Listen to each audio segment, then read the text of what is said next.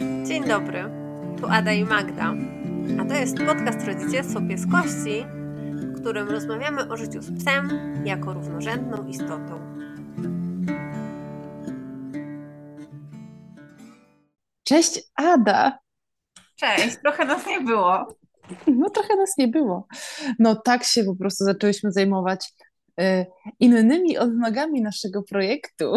Rodzicielstwo Pieskości, naszą grupą, naszym wyjazdem, że przez chwilę nie nagrywałyśmy, bo też tak jak wspominałyśmy w poprzednim chyba odcinku z, z Martą, że, że to nie jest tak, że chcemy w nieskończoność nagrywać ten podcast, bo nie będziemy sztucznie mnożyć tematów, którymi e, chcemy z Wami się tutaj podzielić podcastowo, e, ale e, jest taki temat, przepraszam, właśnie patrzę na, na mojego Quentina, który szaleje strasznie śmiesznie na kanapie.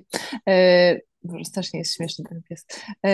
No, ale jest taki temat, o którym bardzo chciałybyśmy z Wami pogadać, mm, bo, bo to jest taka baza, taki, że jak, jak ten temat się ogarnie fajnie e, od samego początku, to potem to żyćko z psem jest e, naprawdę, naprawdę zacne.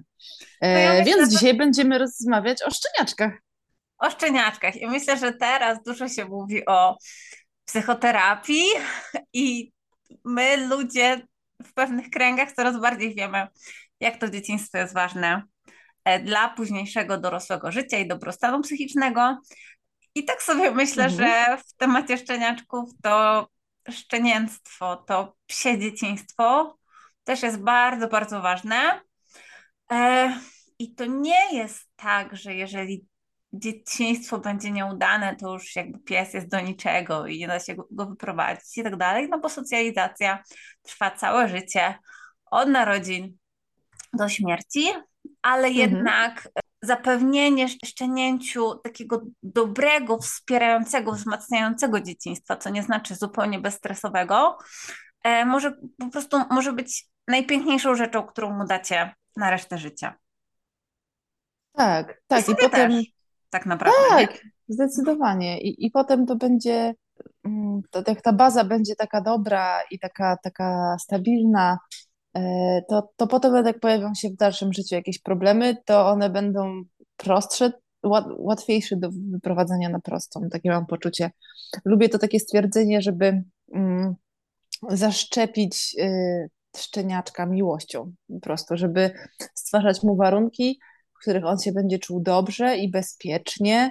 E, I tak jak mówisz, no nie da się uniknąć y, jakichś tam rzeczy nieprzyjemnych, jakichś stresów i też nie chcielibyśmy ich całkiem unikać, ale jeżeli będziemy jednak starać się kreować to bezpieczne i dobre środowisko i spotykać, y, żeby szczenie spotykało y, dobrych ludzi, dobre zwierzęta inne i żeby, o Jezu, przepraszam, e, i żeby było takim mm, właśnie z samym dobrem spotkało się, to ono potem e, nabierze takiego zaufania do świata i takiej kompetencji wysokiej, jak się zachować, więc nawet jak spotkają go jakieś trudne sytuacje, to ono takie pewne siebie i, i, z takim zinternalizowanym poczuciem bezpieczeństwa będzie wiedziało, jak się odnaleźć w tym świecie. Jak no. się odnaleźć, albo na przykład, żeby iść do nas po pomoc.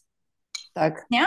Albo mm -hmm, iść do, mm -hmm. po, po pomoc do innego psa, więc to jest takie mega super, że można poprzez takie fajne prowadzenie szczeniaka, chociaż prowadzenie mi się kojarzy dziwnie, przez takie mm. fajne życie ze szczeniakiem i wychowywanie go albo nie przeszkadzanie mu w wychowywaniu się, e, możemy go tak zaszczepić takim szczęściem i odpornością mm -hmm. psychiczną. Mm -hmm. Okej. Okay. No, więc nie będziemy mówiły tutaj w tym odcinku o tym, że y, trzeba mu kupić nie wiem, miskę, legowisko albo 35 różnych zabawek. No bo, bo, bo to nie o to chodzi. E, bo znaczy ważne, żebyście kupili mu dobre szelki. Tak. E, szelki i dobrą jakąś linkę, e, żeby był bezpieczny, ale też miał przestrzeń do eksplorowania. Nie będziemy też mówić o tym, nie wiem, jak bierzesz szczeniaka z hodowli, to kiedy go wziąć i jak go wybrać, bo o tym już był odcinek. I tylko jak już mamy tego szczeniora w domu, to właśnie jak go zaopiekować, co według Ciebie, Ada, jest takie no, najważniejsze, najważniejsze naprawdę wszystkim, Dla mnie oprócz, wiesz, jakichś takich szczeniaków, które urodziły się dziko i wychowują się w lesie, e, to większość szczeniąt, które spotykamy, ma raczej sporo kontaktów społecznych z ludźmi.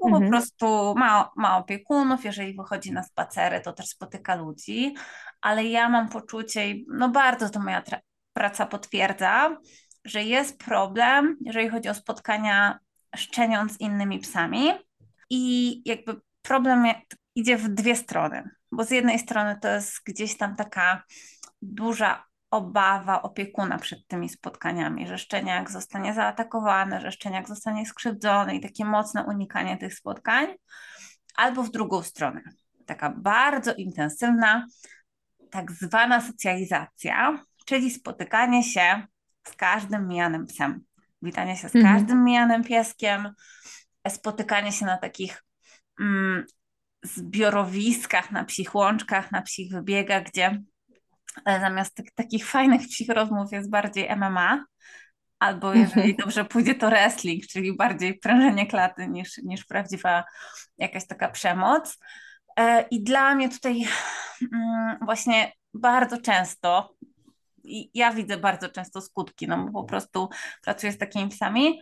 Właśnie ta, te spotkania są za intensywne albo nie ma ich wcale i, i to, to bardzo wpływa e, na, znaczy z jednej strony ok, powoduje jakieś tak zwane problemy behawioralne, czyli pies źle reaguje na inne psy, ale dla mnie to jest takie bardzo upraszczające, bo e, okej, okay, no to, że pies tam szczeka na inne psy, czy do nich ciągnie, czy piszczy, to jest taki nasz ludzki problem, nie?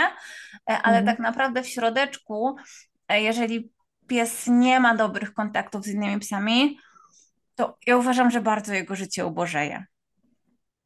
W takim mhm. sensie, że, że nie bierze od nich wsparcia, czyli tak jakby cały ten świat z perspektywy psa jest na jego głowie, skoro nie może go poznawać przy innych psach, bo nie czuje się z nimi bezpiecznie. Czyli wszystko jest na tej psiej główce i w tym psim nosku do ogarnięcia i to może być trudne dla że takiego niedojrzałego mózgu czy układu nerwowego.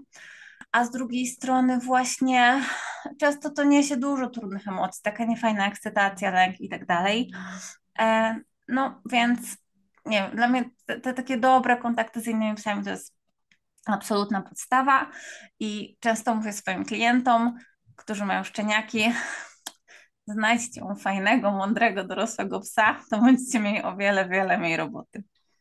Oj, zdecydowanie, nie? Albo jak ma się y, starszego, fajnego psa w domu i się bierze kolejnego, co tam drugiego psa szczeniaczka, tak. to jest 80% roboty po prostu z dyni, nie? Bo y, ten starszy pies, oczywiście nie chodzi o to, żeby zrzucać całe, y, wiesz, odpowiedzialność za wychowanie szczeniaka na starszego tak. psa, ale to po prostu jakoś samo się zadziała w tej dynamice rodzinnej. Są jakieś tam powiedzmy warunki, nie? Żeby nie brać szczeniaka do bardzo starego psa, który nie mhm. będzie miał do niego siły i tak dalej, ale faktycznie taki doroślak, który po prostu postawi granice, pokaże co i jak, to jest jakiś mega w ogóle wielki zasób i wielkie ułatwienie dla człowieka. Mhm.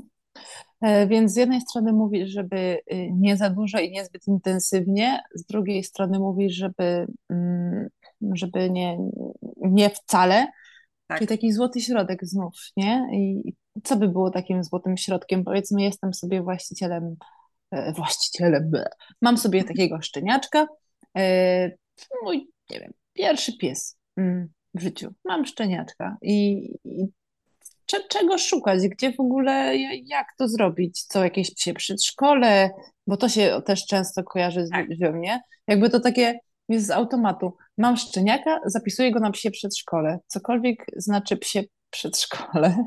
Gdybyś ty się do mnie zwróciła z pierwszym psem, szczeniaczkiem, nie wiedząc o psach zbyt wiele, to pewnie zapytałabym cię, Magda, czy masz w rodzinie albo wśród znajomych fajnego dorosłego psa.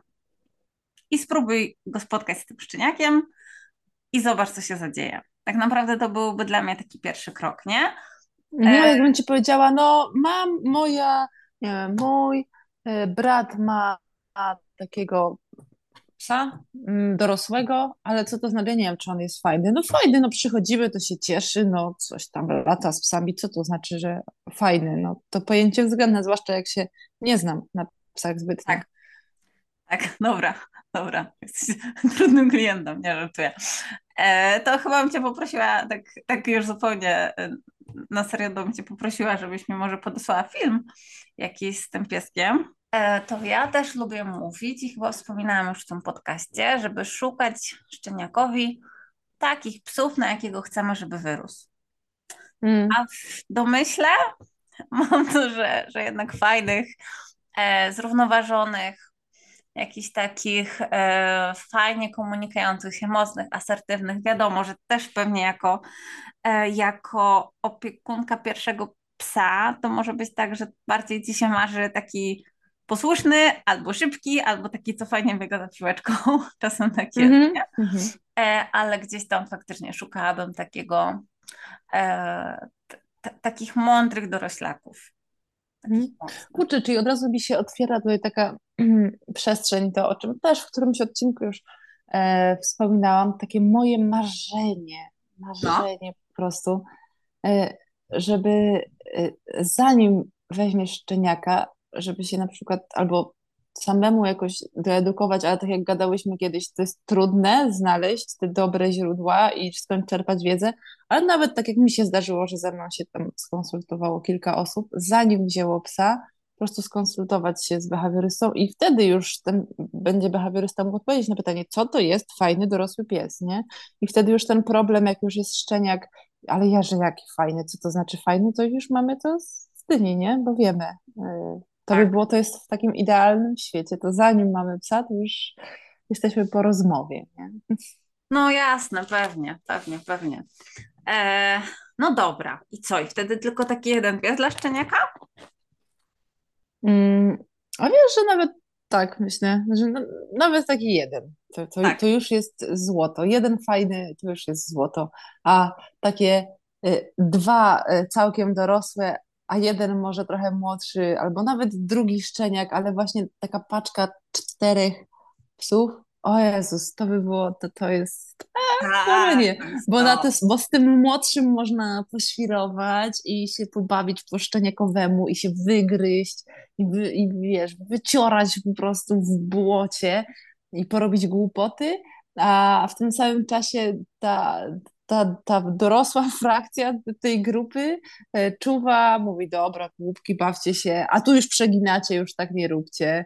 E, I, I ta dorosła frakcja już może wtedy pokazać samym byciem sobą, no, jak to jest być spokojnym i bo, tak jak mówisz, właśnie do czego dąży ten szczeniak, tak. kim będę, jak dorosnę. Nie? Tak. To też sobie myślę, nie? że to bardzo zależy ta tak zwana socjalizacja e, bardzo zależy też od szczeniaka i od tego, jakie on ma potrzeby. Bo mm. pewnie są e, szczeniaki, które faktycznie mają takie trochę większe potrzeby społeczne i taką większą otwartość na nowe psy i większą ciekawość, a też będą takie, które są e, dobra, mam swoją paczkę i, i trochę się wstydzę nowych piesków, ale z tą nową, z tą swoją paczką to jest mi łatwiej je poznać, nie? Więc też mm -hmm. tempo socjalizacji, ta, ta jej jakość właśnie absolutnie nie można tu zrobić jakiegoś algorytmu, jak wychować szczeniaka. Mm -hmm. Po mhm. prostu mm -hmm. reagować na emocje, reagować na moment rozwoju, na tą osobowość. I, um, i na, ale zawsze mądra ciocia i zawsze mądry wujek i jakiś nawet kuzyn, który też nauczył głupich rzeczy, bo to też jest potrzebne. To jest mega, mm. mega super rzecz, którą można dać. Tak, i tutaj też właśnie już mam tą swoją, tę swoją paczkę, no ale dobra, ale tu powiedzmy są psy mojego brata i my się możemy spotkać raz w tygodniu w weekend. I bo tak to nie wiem, mieszkamy tak daleko, nie wiem, w drugiej części miasta, że nie ma jak się zgrać. I czy to jest ok? No to jest ok. Według mnie lepiej raz w tygodniu regularnie te same psy na jakimś spokojnym, albo niespokojnym, albo też czasami wariackim, ale spacerze, czyli regularnie spotykana, nawet raz w tygodniu, e, ta, mała moja paczka, ta moja mała grupa wsparcia, Tak. E, wystarczy, nie? To nie musi być tak, że codziennie ciśniesz na te spacery, się umawiasz. Codziennie to mogą być takie spacery z człowiekiem, gdzie faktycznie trochę spotkam jakichś innych psów albo i nie, ale jak ja będę miała ten punkt odniesienia regularnie, że ja będę mogła zweryfikować w tej swojej takiej bezpiecznej grupie to, co mi powiedziały inne napotkane psy, bo to też tak jest, że idziesz Tak. ze szczeniakiem e, i tak, jeden ci mówi, a, zawsze biegaj za piłką, drugi ci mówi, a, zawsze się bój, a trzeci, a ty zawsze szczekaj na owczarki, a ty lataj i się baw ze wszystkimi. I ten szczeniak już w końcu tak staje i tak, i co ja mam robić? Ten mówi inaczej, a ten mówi tak, a ten mówi, ja, ja nie wiem, ja już nie wiem, wiesz, no już można się zgubić w tym wszystkim. I Tak. wtedy przychodzi sobota, spotykam się z moją grupą e, wsparcia, z moją bezpieczną po prostu bazą i ciocia mówi, i, i, i biegniesz do cioci i mówisz, ej, bo ten mi mówił, że mam szczekać, ten mi mówi, że mam się bać, co ja mam robić? A ciocia, no o czym gadaliśmy ostatnio? Czasem możesz szczeknąć, czasem możesz się czegoś przestraszyć, ale generalnie to tak, no. Tak jak ostatnio gadaliśmy, nie? I to jest O, takie, no, e, wymarzone, nie? Dobra. O mega słodka historia. No ale tak jest. W ogóle mm, na przykład wiesz, takie szczeniaczki z trudniejszym początkiem, bardziej lękowe, jak one sobie czasem znajdą tego dorosłego psa, któremu zaufają, to jest takie a, a co tam? A co teraz mam zrobić? Czego się przestraszą? Bambi pamiętam z taką podhalanką, nie? I ta podhalanka była z takiej średniej hodowli, potem nie spotkała psów, bo się jej bała, potem bała się Bambi, ale Bambi mówi, nie bój się, ja ci tu zrobię siku i sobie tam obczę, nie? I potem było cokolwiek się zadziało. No ciociu Bambi, jest okej? No jest okej, mamo, jest okej, jest okej. Dobra. No, więc nawet ta, ta, ta jedna osoba, że tak powiem, a to zresztą tak samo jest z, z dziećmi ludzkimi, nie? Tak, E, że nawet jeżeli masz jedną osobę w życiu, na cały świat wokół ciebie, ten bliski może być okropny, ale masz jedną osobę, przy której się czujesz bezpiecznie, która jest twoją bezpieczną przystanią, która się o ciebie troszczy, dla której jesteś ważny i to już robi dobrze twojej głowie i Tak. twojemu wzrastaniu, nie? I tak samo naprawdę ze szczeniaczkiem. I, i to jest clue, naprawdę ta, ta grupa psów e, i to, i to już. Mogłybyśmy skończyć ten odcinek. Nie, dobra. naprawdę, no. Tak, tak naprawdę to ja mam poczucie, że mogłybyśmy skończyć, bo, bo, bo ja mam też trochę problem z pomysłem psich przedszkoli. Mhm. Dla mnie to jest taki trochę mm, nie pomysł, który absolutnie mi się kłóci z moją wiedzą o psach. Bo Mhm. tam wrzucamy ileś tam szczeniąt, czyli ileś tam niedojrzałych układów nerwowych, które e, w tak zwanym naturalnym środowisku, w jakiejś swojej niszy ekologicznej miałyby jeszcze mamę, ciocię, starszego kuzyna, które, które by pomogły im uczyć się tych psich zachowań, kontroli emocji, pomogłyby doj- dojrzeć temu układowi ner- nerwowemu.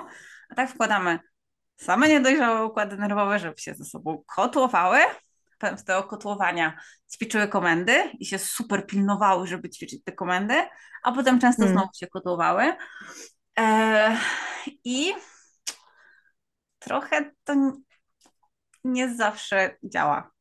Znaczy, generalnie, no tak biorąc, patrząc na to z perspektywy, tak jak mówisz, y, etogramu psiego i tego, jak wygląda życie psie w naturze, no to, to się nie może udać po prostu. No, to, to, to, to jakby trochę gadać o, wiesz, o, nie wiem, no, dzieciakach w poprawczaku, no, zamknięte razem, wrzucone, wiesz, no, jakiś spacerniak i macie, a przy okazji jakąś musztrę wykonujcie. No to, no to nie, nie, no. Trochę mam poczucie, że nauka jest o krok dalej, o, krok przed psimi przedszkolami, ale no bo co może nie wyjść w psich przedszkolach? Psy mocniejsze, takie bardziej, e, bardziej reaktywne, ostrzejsze mogą się nauczyć dręczyć inne psy. Mhm. E, Psy delikatniejsze mogą się trochę nauczyć takiej mm, po prostu zostać ofiarami e, i nauczyć się takiej bierności w obliczu po prostu w pewnym sensie jednak szczeniaczkowej i wyglądającej niegroźnie, ale często przemocy, nie? Mhm. E, I często jest taka historia, że piesek był w psim przedszkolu, a mimo to szczeka na inne psy.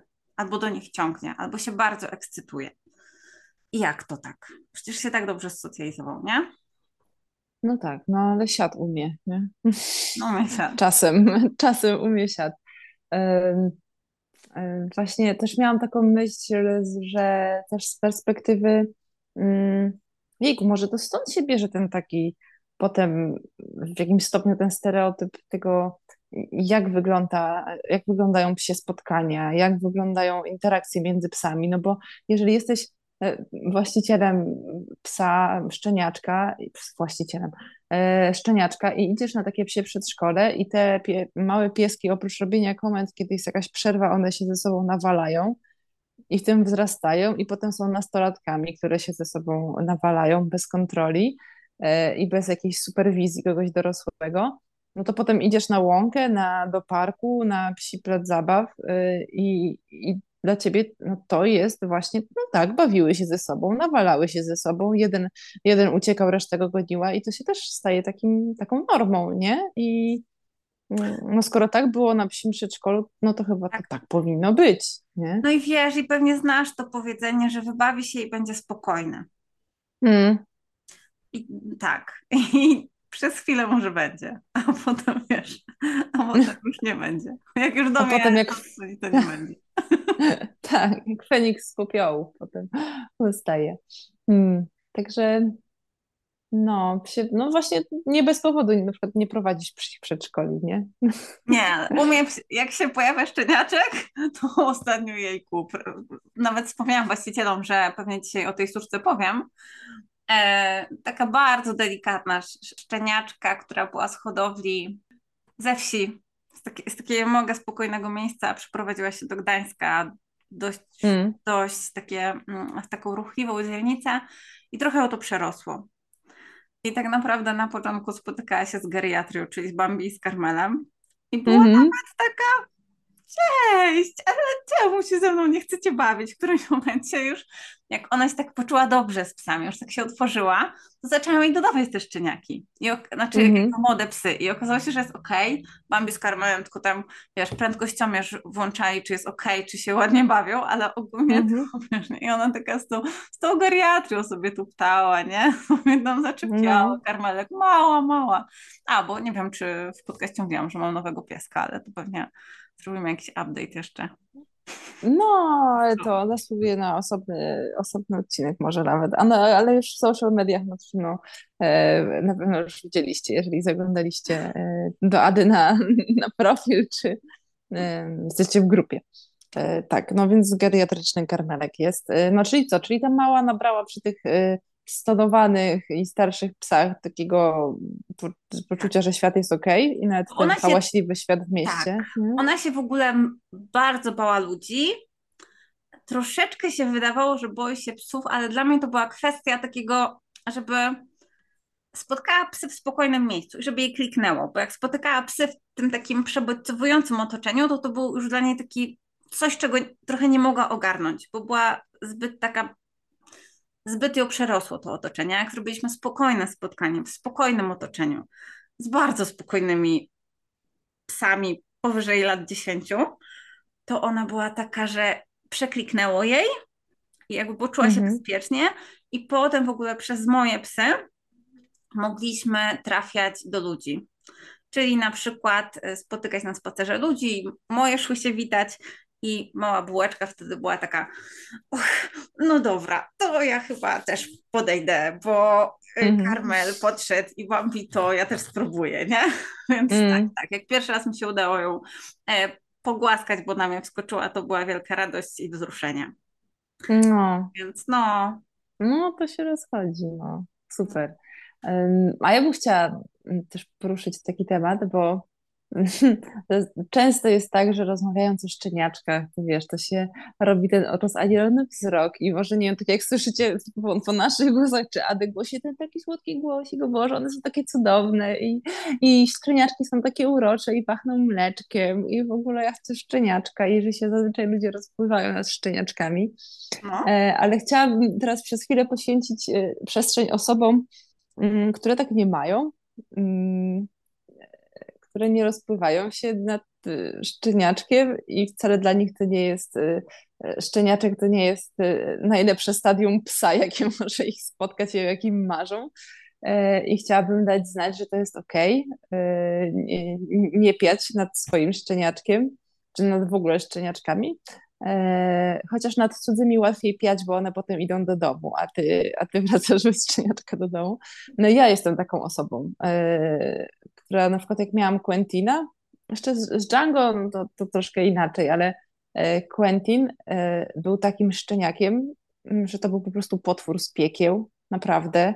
Ja przed, przez pierwszy miesiąc, jak Quentin się pojawił u nas w domu, jak go przyprowadziłam to nasienie szatana do naszego domu, bo naprawdę tak o tym myślałam wtedy, to przez miesiąc ja płakałam, że co ja zrobiłam, jak ja mogłam taki, taki po prostu piekielny pomiot wziąć? I co ja zrobiłam temu Dżangutkowi i po prostu naszej rodzinie? I że może jak z tego wybrnąć, bo on po prostu, to był totalny świr, on miał taki poziom energii i on tak gryzł, tak, tak, tak, tak tak on, on, jego tak spędziały zęby, on, on tyle sikał, on, on, on, on sikał na spacerze, wracał i pił dwa litry wody i znowu trzeba było z nim wychodzić, a co 20 minut wychodziliśmy z tym psem. Ja muszę twoją e... historię o, o sikaniu materaca, bo bardzo zapadła mi w pamięć.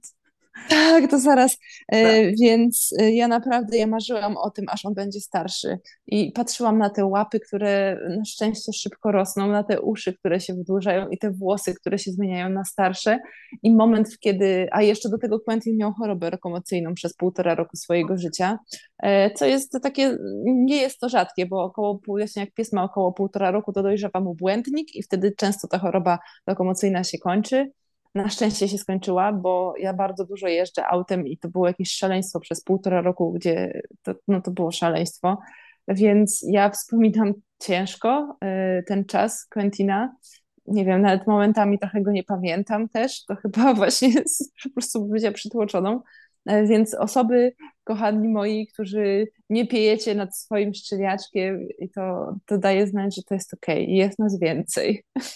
E, to nie jest, no. po prostu to nie jest stadium, przy którym każdy będzie się rozpływał i też szczeniaczki są różne, tak jak mówiłaś, że trochę inaczej było z Django, a inaczej mm -hmm. było z Quentinem, nie? Mm -hmm, Tak, na szczęście to jest stadium, które się kończy. Tak. A jak dobrze, no ale jak, jak, jak dobrze sobie poradzimy w tym stadium i sięgniemy po pomoc, jak jest nam trudno, no i będzie miał tę grupę, e, swoją bezpieczną bazę, grupę wsparcia, e, to, to potem mm, przejdziemy przez to stadium i wyjdziemy z niego fajnym psem, na przykład takim jak jest Quentin teraz, bo jest naprawdę cudownym psem. Jest, jest, jest naprawdę wyjątkowy, jest wow.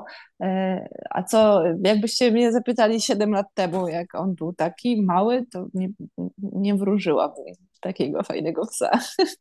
Ja wam opowiem szybciutko, bo Magda napisała do mnie już taka na skraju w ogóle, że zaszczał cały materac jakąś chorą ilością moczu, cały jest zasikany, jest do wywalenia. Przed chwilą był na spacerze, wysikał się na tym spacerze, wrócił i zaszczał, zaszczał cały materac, ona ma dosyć, koniec. Koniec. Po, ty, po co ten pies? No i okazało się, że Quantiszek rozgryzł butelkę wody mineralnej na tym materacu i stąd był mokry. O Tak, i takich historii mam mnóstwo. I na przykład y, jedną z takich historii jest to, że Django był często zmęczony bardzo, jak zostawialiśmy ich samych w domu y, i nie wiedzieliśmy o co chodzi. No przecież pies powinien, psy powinny spać, nie? Jak, jak, jak, mm. No, my wychodzimy. No i zostawiliśmy kamerkę i się okazało, że owszem, pieski spały, znaczy Django spał, Quentin spał 20 minut, po czym włączał tryb piranii, na przykład wyciągał wszystkie bluzy z naszej szafy, ciągle zaczepiał Djangutka do zabawy i, i się ze mną róbmy coś, i w końcu po prostu przyniosłam Djangutkowi kennel, y, klatkę y, z, z auta i Django po prostu, jak ją zobaczył, miał wielkie oczy jak 5 złotych i mówi, Boże, jak cudownie, zamknij mnie w tym kennelu, sam wszedł, niemalże łapkami trzymał i mówi, zamykaj te drzwiczki, niech ja się uwolni od tej piranii, a pirania po prostu zobaczywszy zamknięte drzwi do Kenela, zaczął rozpędzać się i zdejmować je z bara i piec swoje małe szpileczkowe zęby. Open the door! I to jest jedno, to jest nie, to szaleństwo z tym psem, naprawdę, takich historii mam mnóstwo. E, więc tak, e, szczeniaczki bywają też potworami, ale za to tutaj możemy przytoczyć takie święte szczeniaczkowe prawo. Co, Ada? No właśnie, bo ja chciałam Cię zapytać, czy skoro Quentin się tak zachowywał, że Was podgryzał i, i miał tyle energii, to znaczy, że on był, nie wiem, zaburzonym szczeniakiem, albo było z nim coś nie tak, albo wyrósł na agresywnego psa? Nie. Skoro, skoro Was gryzł. I Django znaczy nas akurat nie gryzł, nas akurat nie gryzł. I to nie było takie gryzienie, nie wiem, on po prostu miał jakąś percepcję ustną, on bardzo dużo, mam fazę oralną, miał jakąś po prostu bardzo rozhulaną. Ale nie, to było bardzo normalne, bo właśnie tutaj wchodzi całe na biało święte prawo szczeniaczka. Szczeniaczek tak. musi gryźć. Tak, szczeniaczek. Po to ma ząbki, które rosną, żeby gryzł. I jakby ja myślę, że chyba adekwatne będzie takie porównanie, tak jak mamy Bobasa, to on poznaje świat ustami hmm. i rękoma. A u szczeniaka to ta paszcza trochę spełnia obie funkcje i dłoni, no. i, i ust. Więc tam jakby duż, dużo się dzieje, e, jeżeli chodzi o, o pysk i to jest często moment, moment kryzysu, kiedy szcze... bo też świętym prawem szczeniaczka oprócz podgryzania jest zniszczenie najdroższej pary butów, którą macie. Mhm. I to chyba było u ciebie z Django, nie? No tak, tak. Tak. Pamiętam. Miałam jedyne w życiu szpilki zombie dash. Ja nie chodzę w szpilkach, ale te jedne musiałam mieć. No, no tak. to raz je założyłam, nie? Bo zostały zeżarte. Tak. I generalnie czemu te szczeniaki tak gryzą? Czy one są po prostu wrednymi piraniami? Nie. Generalnie jest coś takiego jak inhibicja gryzienia, czyli to, że szczeniak poprzez gryzienie i w tak zwanych naturalnych warunkach poprzez podgryzanie się z, ze swoim rodzeństwem i mamą pod okiem mamy i innych dorosłych psów, czyli poprzez to gryzienie uczy się jaka siła szczęk jest ok w takim kontekście społecznym. Czyli jaka siła mhm. szczęk jest w porządku w zabawie, jaka w walce, e, żeby na przykład wygrać bójkę, ale nie zrobić krzywdy drugiemu psu i nie dać zrobić krzywdy sobie. Jaka jest w zabawie, żeby to dalej była zabawa, a nie jakieś gnębienie innego psa, nie? Więc jakby to jest, to jest mniej więcej plus minus do 16 tygodnia i tak mi to klienci potwierdzają, że czas takiej najgorszej piranie w okolicach 16 tygodnia zwykle się kończy, ale no wiadomo, każdy też szczeniaczek mm -hmm. rozwija się w swoim tempie. E, I po prostu bardziej mnie chyba martwi szczeniaczek, który nie podgryza, niż taki, który podgryza. Mm. Nie? No. E, no i tutaj też wchodzi cała na biało grupa wsparcia, nie? I tak. fajne psy. I, I trochę młodych na których można się wygryźć, albo jeden młody, ale te starsze, które mówią, ej stop, to za dużo, nie? Tak. E, bo, też, bo też, żeby ta, ta inhibicja zachodziła dobrze, to fajnie by było móc pogryźć jakiś żywy organizm, nie? No bo zabawka, tak, bo zabawka ci nie powie, ała, to za mocno to mnie boli, tylko albo ona cały czas piszczy, i, i, i, albo nie piszczy, a tak. ten żywy organizm ci powie, ała, to za mocno, zostaw tak. mnie, albo ten żywy organizm cię też ugryzie i ty, o Boże, ała, to tak boli, nie wiedziałam, nie? Tak. I dlatego one tak kochają, mimo posiadania na przykład tony zabawek, one kochają gryźć nas, no bo tak. jednak to, to, to, to mięso się lepiej gryzie niż coś sztucznego. Nie, ale właśnie o to chodzi, że mm, najlepiej na, na innym psie się wygryźć, nie? Tak, na innym psie, e, takim, który po prostu będzie dawał feedback, jakie gryzienie jest mhm. ok e, taki, który jakby jest nauczony, że ten feedback też jest szanowany, nie? Czyli nie taki pies, mhm. który będzie się dawał gryźć i, i memlać, e, bo też często jest tak, że kiedy dorosły pies stawia granice szczeniaczkowi, to to jest trudne dla opiekunów, bo boją się, że on zrobi szczeniaczkowi mhm. krzywdę. A mhm. jedyne, co możemy zrobić, to mu przynieść kwiaty z mięsa w podziękowaniu, że to robi. Mhm, mięsny kwiat, tak. Więc e, i tak, i jest, czy jest to trudne? Tak. Jest po prostu bycie, mieszkanie z, ze szczeniaczkiem piranią jest trudne. E, I w ogóle jak można siebie wspierać w tym okresie? Bo chyba ta Mm, świadomość, że to mi nie pomaga, nie? bardzo, bardzo. No, no i, i właśnie to spotykanie go z psami, żeby, Tak, bo jak on już naprawdę jest, jest gdzieś jakiś taki ta czara się na, gryzienia na dany dzień, ona się napełnia w końcu, więc jak tak, on się wygryzie na tych psach, e, to przyjdzie do domu i, i naprawdę nas nie będzie tych gryz, nie? tak. No bo nie, Tak. no, Mi no, się czasem w takich kryzysowych momentach zdarzało podpowiadać e, opiekunom, żeby jednak w takim momencie, kiedy chcą naprawdę wywieźć tego psa do lasu, bo już swoich gryzie, bo ich ciągnie i tak dalej, i tak dalej, to mm, czasem jest ok wyprowadzenie psa do innego pokoju, danie mu tam jakiegoś miśka, gryzaka, żeby już nie gryzł nas. E, I to nie chodzi o takie wyprowadzenie w ramach kary, tylko o takie mhm, zadbanie trochę o siebie i danie psu ochłonąć trochę bez nas, nie? I to, mhm, to czasem po prostu działa jako takie, takie już e, rozwiązanie awaryjne, żeby nie zwariować. Mhm, Bo mhm. psia mama, jak szczeniaczki, jakiś szczeniaczek bardzo brzydko się bawi, to też potrafi go wywalić z legowiska. Więc Tak. tak czasem Albo po prostu wstać i odejść, i ma- Tak, weźcie głupki, się tu gryźcie, ja już mam po, po dziurki w nosie, no. no, No. tak. E. No i jeszcze takim trudnym, trudnym taką, taką, takim zdarzeniem może być nie, zdecydowanie nie u wszystkich psów. Tak. Ja byłam rzadko tego świadkiem, na swoich tego nie doświadczyłam, ale istnieje coś takiego jak okresy lękowe mm, u psów. E, Znaczy u, u, u ssaków, nie? No bo na przykład u dzieci też, też to bywa i U też z moim dość skoki rozwojowe, to się jakoś trochę tak Znaczy to się, no nie, skoki rozwojowe to jedno, jeszcze. bo wtedy, gdzie nabywa jakieś mocno, jakieś, jakaś umiejętność się odblokowuje i po prostu Tak. wtedy jest takie wow, Boże, a to jest często okupione takim przebodźcowanym organizmem, Mhm.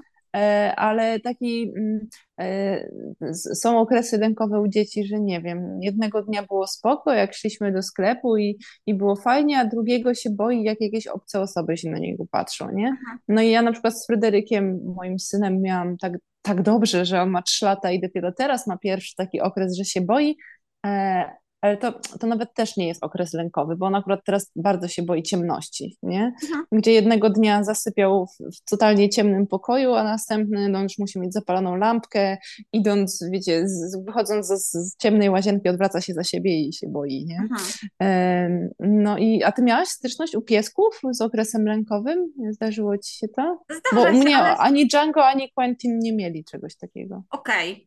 To ja mam takie doświadczenie, że faktycznie, em, znaczy, bo ja w ogóle trochę myślę, o co to są te okresy lękowe. Ja, ja Mhm, to widzę jako taki interwał, że czasem ten mózg się otwiera i jest w stanie uczyć się tego świata i go chłonąć, a potem jakby trochę się zamyka w takim mega, mega uproszczeniu i metaforze, żeby to, co wchłonął, mogło się w tej głowie uleżeć. I wtedy jest mniejsza mhm, otwartość na te nowe rzeczy. I mhm, tak, zdarzyło mi się mm, obserwować takie, takie okresy lękowe e, i faktycznie e, mam poczucie, że naprawdę u każdego szczeniaka to przebiega inaczej. Czasem to jest bardzo subtelne takie zamknięcie się, a czasem jest faktycznie taki kryzys, że opiekunowie bardzo się boją, że coś zepsuł. Mówię, dobra, zwalniamy i po prostu niech mhm. to się ułoży w głowie i nie dajemy mu teraz za trudnych rzeczy i spróbujmy mu dać jed- jednego psa, żeby go wsparł i, i czekamy aż to minie i faktycznie często to działa, nie? Mhm. No, więc też tak dajemy znać, że, że, że to jak. I, I to się zadziewa tak, no nie, że to jest właśnie takie kliknięcie, nie? Yy, że, że kurczę, było dobrze i nagle, o matko, obudził się i I się boi inny czarnych pies, psów, nie? a nic się nie stało, No, żaden czarny pies go nie zaatakował, nie? Tak, tak. A to po prostu ten mózg mówi więcej nowych rzeczy nie przyjmę, muszę ogarnąć to, co przyjąłem, nie? I teraz musi, musimy troszeczkę ten strumień, strumień po prostu e, uczenia się troszeczkę z, zminimalizować, nie? Tak go ułagodzić. Coś jeszcze? Nie wiem. Myślę, że oczywiście o szczeniakach można gadać, gadać i gadać, ale e, myślę sobie o tym, że to jest chyba coś, co ja bym chciała usłyszeć, e, biorąc szczeniaka, aczkolwiek ja na szczeniaka na ten moment nie mam siły, więc siedzę z moją geriatrią i się wymądrzam w Mm. internetach, jakie to szczeniak są słodkie i ten, ale, e, ale aczkolwiek mój stary piesek też nie ma zębów, tak jak czasem nie mają szczeniaczki, więc. No, no. No, ale właśnie ty też możesz, bo w ogóle geriatrii to się naprawdę należy osobny odcinek, ale e, ja bym chciała rzucić tak, tak, tak w przestrzeń, że myśląc o zaproszeniu do rodziny nowego psa, że mm, nie zawsze nasze myśli muszą iść w stronę szczeniaczka, nie? Że naprawdę są inne opcje, które są naprawdę fajne, bo, bo myślę, że ludzie często biorą szczeniaczka, no oprócz tego, że jest słodki, to dlatego, że no bo ja to ja będę mógł go od początku wychować po swojemu, pod siebie, tak jak chcę, nie? To jest trochę taki, myślę, stereotyp. Tak. Po pierwsze, to jest jednak osobna jednostka i do pewnego stopnia mamy wpływ, jak sobie będziemy razem żyć, a, a w innym stopniu po prostu dostaliśmy to, co dostaliśmy. Mm, No a, a to wcale też nie jest tak, że biorąc dorosłego psa, czy bardzo dorosłego psa, że nie można sobie z nim to przełożyć życie. Nie? Znaczy, no ja jestem karmelisiem zachwycona, aczkolwiek jest inny niż się spodziewałam, bo miał być takim starym pieskiem, takim, który do mnie przyszedł, żeby zakończyć życie w kochającym otoczeniu. E, A na razie, co się okazało, ma takie mięśnie na brzuchu, że e, jak mu pani dzisiaj, pani doktor mu dzisiaj robiła USG, to na początku myślała, o, ma tu jakieś kuski, ale dotknęła, okazało się, że to są jego mięśnie. E, Jak e, pobiegł mi za suczką w cierce, to ja myślałam, że wypluje płuca pędząc za nim, więc to jest moja ledwo żywa geriatria, nie? Bardzo polecam. Jestem zachwycona. Więc trochę, trochę mam tego szczeniaczka. No, No. e, chętnie pogadam o geriatrii i mam też pomysł, kogo zaprosić. O. Powiem. Czadersko, ja nie wiem, więc, więc też No tak, Magda, ciekawa. Magda nie, nie wie, to prawda, to nie jest żaden zabieg, który ma was jakoś zainteresować. No, no No. dobra. To co, Mag? Kończymy? Tak, ja, bo najważniejsze, według mnie najważniejsze powiedziałyśmy. Naprawdę. Dobra. Dobra, to dziękuję Ci bardzo, kochana. Dzięki. No, do usłyszenia, do napisania, do zobaczenia. Pa.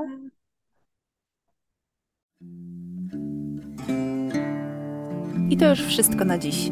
Dziękujemy, że byliście z nami. Do usłyszenia w kolejnym odcinku podcastu Rodzicielstwo Pieskości.